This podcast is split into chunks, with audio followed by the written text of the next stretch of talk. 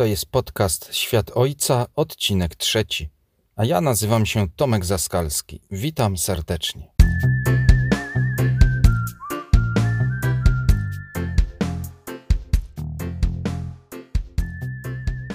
Dziś chciałbym poruszyć temat odpieluchowania. Jako szczęśliwy i spełniony ojciec również miałem przyjemność przerabiać ten temat. Jak można się domyślać, łatwo nie było. Mam nadzieję, że przedstawione tutaj informacje będą dla Ciebie przydatne.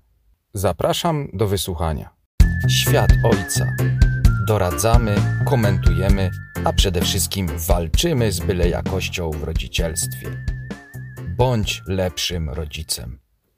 Wyobraź sobie sytuację, kiedy Twoje dziecko ma te 3-4 lata i właśnie za niedługo zacznie chodzić do przedszkola, ale nie potrafi jeszcze robić siku ani kubki do nocnika, tylko pampers.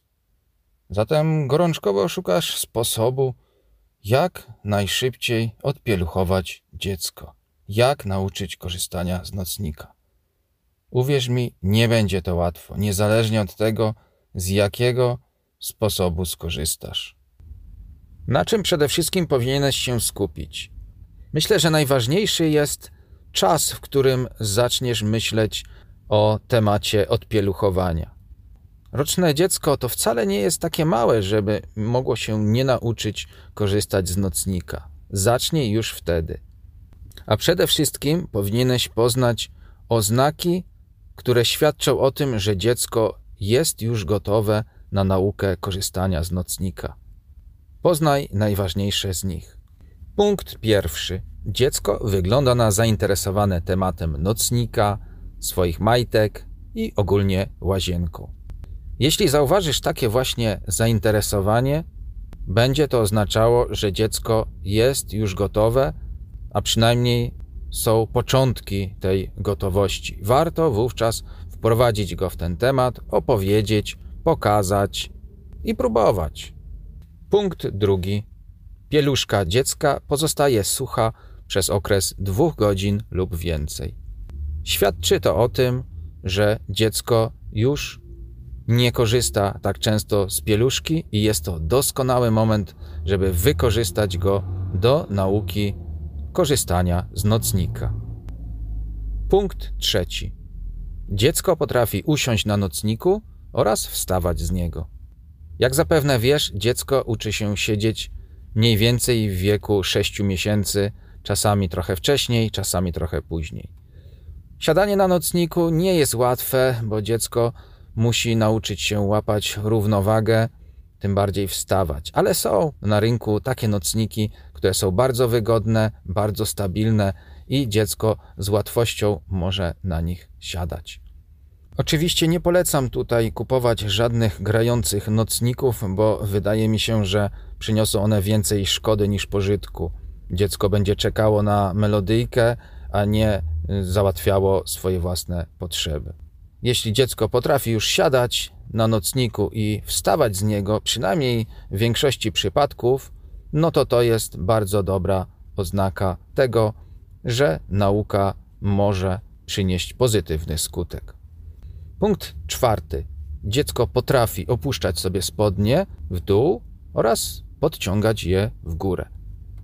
Jest to umiejętność, która pojawia się nieco później, ale to wcale nie oznacza, że takie dziecko, już które ma kilkanaście miesięcy, miałby się tego nie nauczyć. Wystarczą wygodne spodnie, no i nauka takiej jakby samodzielności. Dzieci lubią być samodzielne, także warto to wykorzystać.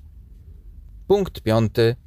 Dziecko często daje oznaki, że zbliża się jedynka lub dwójeczka. Zwróć wówczas uwagę na mimikę twarzy, jakieś chrząkanie czy chodzenie do kąta. To wszystko świadczy o tym, że dziecko chce nam zasygnalizować, że czuje potrzebę skorzystania z nocnika.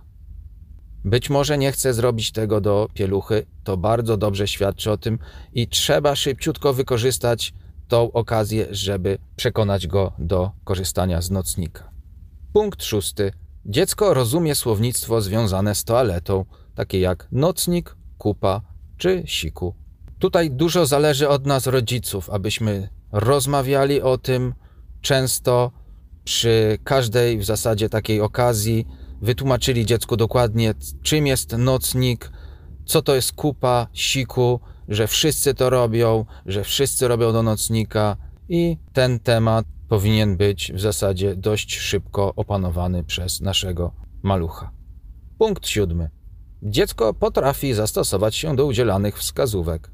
Rozumie, że zaczęło się odpieluchowanie. W zasadzie dziecko bardzo szybko powinno przyswoić takie nasze jakby polecenia: usiądź na nocniku, zrób kupę, chcesz zrobić siku. Jeśli widzimy, że dziecko nas rozumie, nie widzę żadnych przeciwwskazań, żeby nie rozpocząć właśnie nauki korzystania z nocnika. Punkt ósmy. Dziecko narzeka, że ma mokro w pieluchach, domaga się przebrania, choć tutaj to nie zawsze działa w ten sposób. Kiedyś, e, kiedyś bardzo dobrze to działało, bo były zwykłe pieluszki. Teraz te pieluszki jednorazowe, czyli tak zwane pampersy, są tak wygodne, że dziecko może w ogóle nie odczuwać żadnego dyskomfortu związanego z mokrą pieluszką. Niemniej jednak dużo dzieci zwraca uwagę przynajmniej na to, że jest już ta kupa w pampersie i trzeba go przebrać. Wówczas my, rodzice, wkraczamy do akcji. Tłumaczymy, pokazujemy, mówimy, że od takich spraw jest nocnik. Punkt dziewiąty. Dziecko robi kupę według niepisanego harmonogramu, czyli na przykład codziennie rano albo co drugi dzień. To świadczy o tym, że dziecko w zasadzie mm, tak sobie ustabilizowało tą e, sytuację związaną z korzystaniem e, z pampersa, którą moglibyśmy łatwo przekuć w korzystanie z nocnika, na przykład codziennie rano, codziennie wieczór. Bardzo często tak właśnie dzieci mają i warto to moim zdaniem wykorzystać. Punkt dziesiąty. Dziecko chce wiedzieć, jak jego rodzice robią siku. Obserwuje. Jest ciekawe, o co w tym wszystkim chodzi i często chce naśladować. Dlaczego my, jako rodzice, nie powinniśmy mu wówczas tego wszystkiego wytłumaczyć?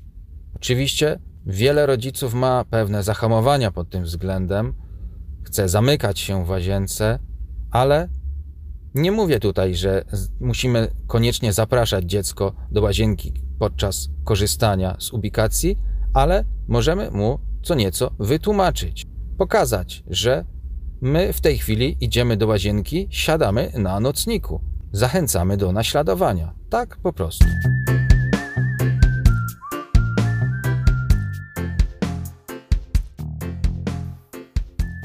Skupmy się teraz na największych błędach, jakie popełniają rodzice, a które skutecznie utrudniają dziecku naukę korzystania z nocnika. Sam nie jestem święty, też kilka z nich popełniłem. Później oczywiście złapałem się za głowę. Przecież to oczywiste, że tego nie powinniśmy robić. A zatem zacznijmy od najpopularniejszych z nich.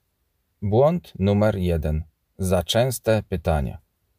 Pierwszym, jakże podstawowym błędem to pytania rodziców, czyli na przykład pytamy, chcesz siku, chcesz kubkę.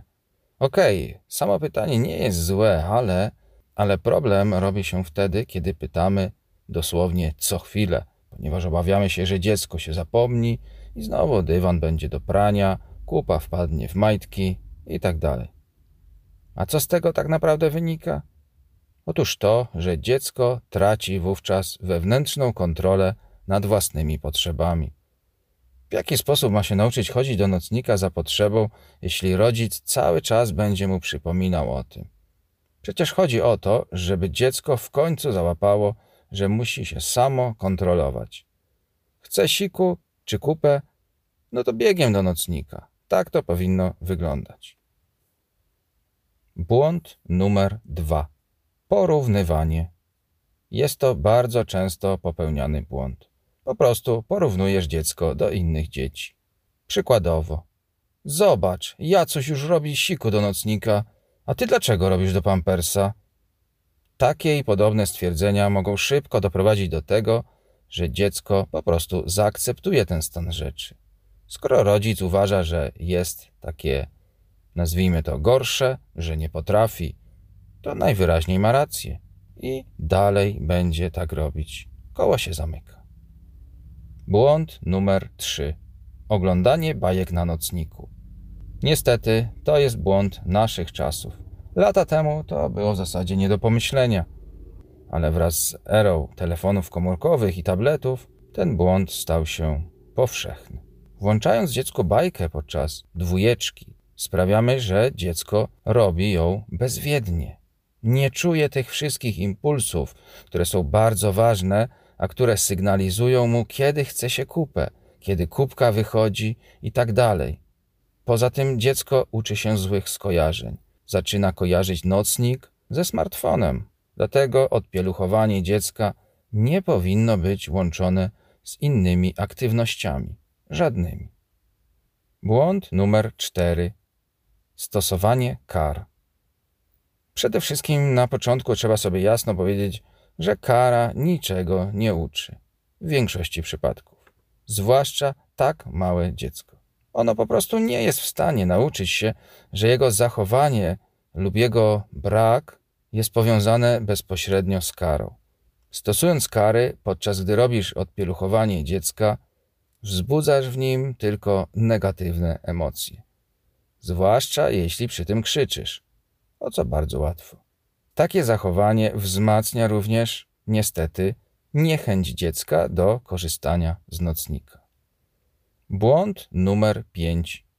Stosowanie nagród. Jest to bardzo podobny błąd jak w przypadku kar. Uczysz dziecko, że używanie nocnika jest bezpośrednio powiązane z otrzymywaniem czegoś w zamian. Po prostu.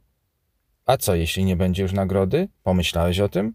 Poza tym, hello, za jedzenie lub oddychanie, czy inne takie zwykłe czynności, dziecko też będzie dostawać nagrody? Coś tu jest nie tak. Błąd numer 6. Zawstydzanie. Jakże często słyszy się takie stwierdzenia: taki duży, a robi jeszcze do pampersa. To nie jest dobra droga. Wzbudzasz wówczas w dziecku poczucie winy. Pojawia się frustracja. Dziecko będzie kojarzyć, że robienie siku czy kubki to coś niefajnego. I później zawsze będzie odpowiadało nie, jeśli zapytasz, czy chce kubkę. Będzie się bało tego wstydu. Nie rób tak. Błąd numer 7. Sadzanie na nocniku po fakcie. Też tak robiliśmy, ale to błąd. Dlaczego? Dlatego, że dziecko uczy się, że siada się na nocnik po prostu po fakcie, czyli po zrobieniu siku lub kubki. A nie o to nam przecież chodzi, prawda? Błąd numer 8. Sadzanie na nocniku na siłę. To również poważny błąd. Rozumiem Twoją frustrację i zrezygnowanie po tych wielu nieudanych próbach. Ale naprawdę myślisz, że jak będziesz sadzał dziecko na nocniku, używając swojej siły, to sprawisz, że dziecko nauczy się korzystania z nocnika, nawet kiedy nie będzie czuło potrzeby? Takie zachowanie może tylko pogłębić blokadę i powodować stres. A przecież, kolokwialnie mówiąc, to całe załatwianie się powinno kojarzyć się z czymś zupełnie normalnym, przyjemnym. Czujemy ulgę, że korzystamy z nocnika, tak? Błąd numer 8. Nic nie robisz w tym kierunku. Zdarzają się i tacy rodzice. Nic nie robią, nie uczą dziecka korzystania z nocnika. Myślą, że w końcu samo się tego nauczy. Niestety, nic bardziej mylnego. W ten sposób tylko pogłębia się problem. Starsze dziecko niekoniecznie oznacza łatwiejsze odpieluchowanie. Ja bym powiedział, że wręcz odwrotnie. Siła nawyku jest niestety wówczas bardzo, bardzo mocna. Ciężko go zwalczyć i zmienić. Dlatego, kiedy tylko zobaczysz oznaki gotowości u dziecka, jeśli chodzi o korzystanie z nocnika, nie wahaj się ani przez chwilę, rozpoczynaj odpieluchowanie.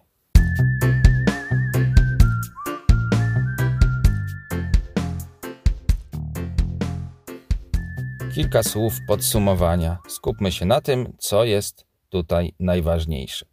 Przede wszystkim obserwujemy dziecko. Te wszystkie oznaki, które wymieniłem, one świadczą o tym, że dziecko jest już gotowe na naukę korzystania z nocnika. wykorzystajmy to i zacznijmy po prostu działać. Po drugie, istotne jest to, żeby zacząć odpowiednio wcześnie. Wydaje mi się, że pierwsze te oznaki występują, jeśli dziecko ma już kilkanaście miesięcy. Wtedy można powoli zacząć wprowadzać naukę korzystania z nocnika. Im wcześniej, tym lepiej. Jeśli dziecko będzie miało już 4, 5, 6 lat, no to wtedy jest bardzo trudno. Wiem z opowieści innych rodziców, że tak właśnie to wygląda.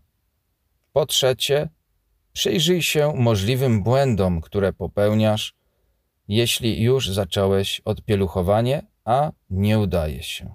Każdy z nas popełnia błędy. Warto więc zobaczyć, czy i my nie robimy tego, co w zasadzie nie powinno się robić i co utrudnia proces nauki korzystania z nocnika. Po czwarte, bądź cierpliwy, ale stanowczy, czyli pozwalamy dziecku uczyć się spokojnie, ale systematycznie i bądźmy przy tym konsekwentni. Życzę Ci powodzenia, na pewno Ci się uda. Dziękuję za wysłuchanie dzisiejszego odcinka. Mam nadzieję, że te porady będą mogły Ci się przydać. Jeśli chcesz, możesz zaobserwować mnie w mediach społecznościowych na Facebooku lub Instagramie. Dzielę się tam różnymi poradami albo po prostu pokazuję trochę swojego ojcowskiego życia. Zachęcam do subskrybowania podcastu Świat Ojca w aplikacjach Spotify, Apple Podcasts, Google Podcast i innych. Zapraszam serdecznie do podzielenia się tym odcinkiem, jeśli uważasz, że ta treść może komuś się przydać, na przykład świeżo upieczonym rodzicom. Wyślij im wówczas link www.światojca.pl ukośnik 03. To wszystko na dziś. Bądźmy w kontakcie. Do usłyszenia. Świat Ojca. Doradzamy, komentujemy, a przede wszystkim walczymy z byle jakością w rodzicielstwie. Bądź lepszym rodzicem.